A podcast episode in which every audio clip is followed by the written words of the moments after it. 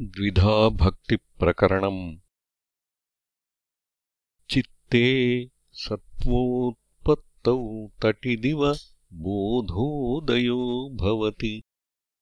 तर्ह्येव स स्थिरः स्याद्यदि चित्तम् शुद्धिमुपयाति।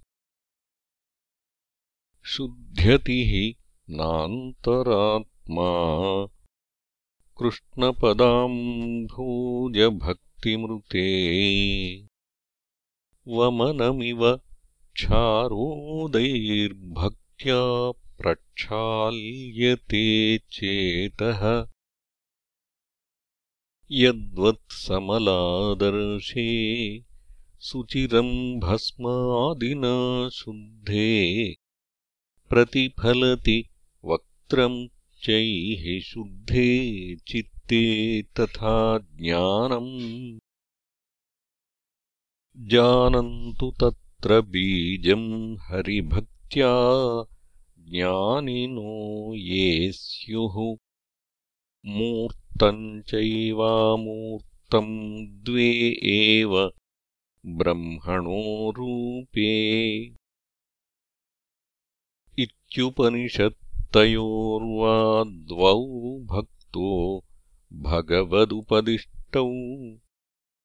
क्लेशादक्लेशाद्वा मुक्तिः स्यादेतयोर्मध्ये। स्थूला सूक्ष्मा चेति द्वेधा हरिभक्तिरुद्दिष्टा। प्रारम्भे स्थूला स्यात् सूक्ष्मा तस्याः सकाशाच्च।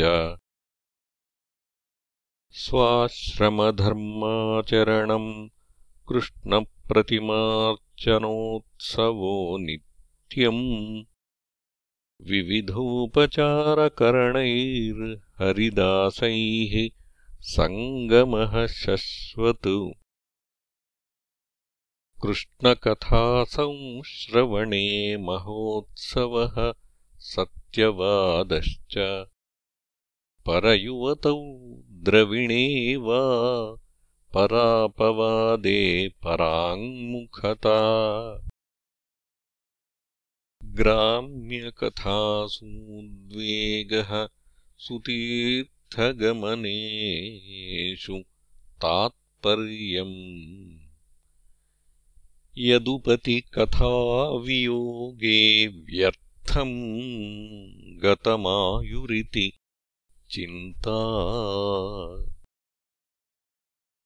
एवम् कुर्वति भक्तिम् कृष्णकथानुग्रहोत्पन्ना।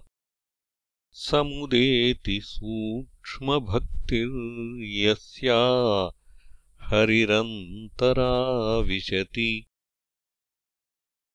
हरिरन्तराविशति स्मृतिसत्पुराणवाक्यैर्यथाश्रुतायाम् हरेर्मूर्तौ मानसपूजाभ्यासो विजननिवासेऽपि तात्पर्यम्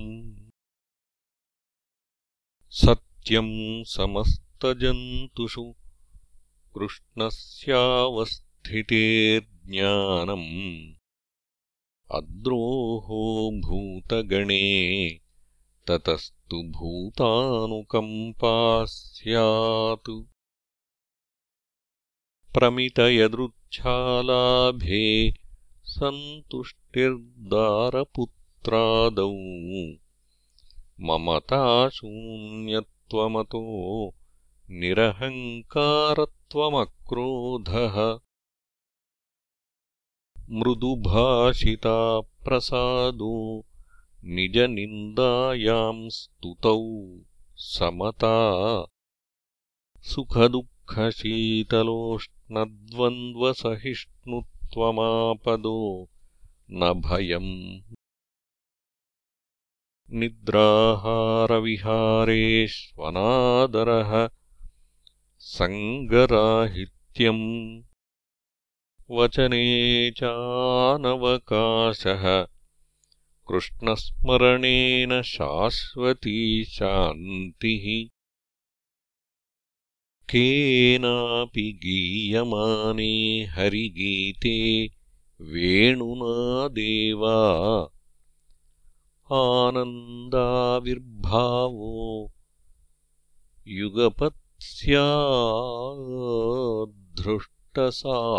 युगपत्स्याद्धृष्टसात्विकोद्रेकः तस्मिन्ननुभवति मनः प्रगृह्यमाणम् परात्मसुखम्। स्थिरताम् याते तस्मिन् याति मदोन्मत्तदन्तिदशाम् जन्तुषु भगवद्भावम् भगवति भूतानि पश्यति क्रमशः। एतादृशी दशा चेतदैव हरिदासवर्यः स्यात्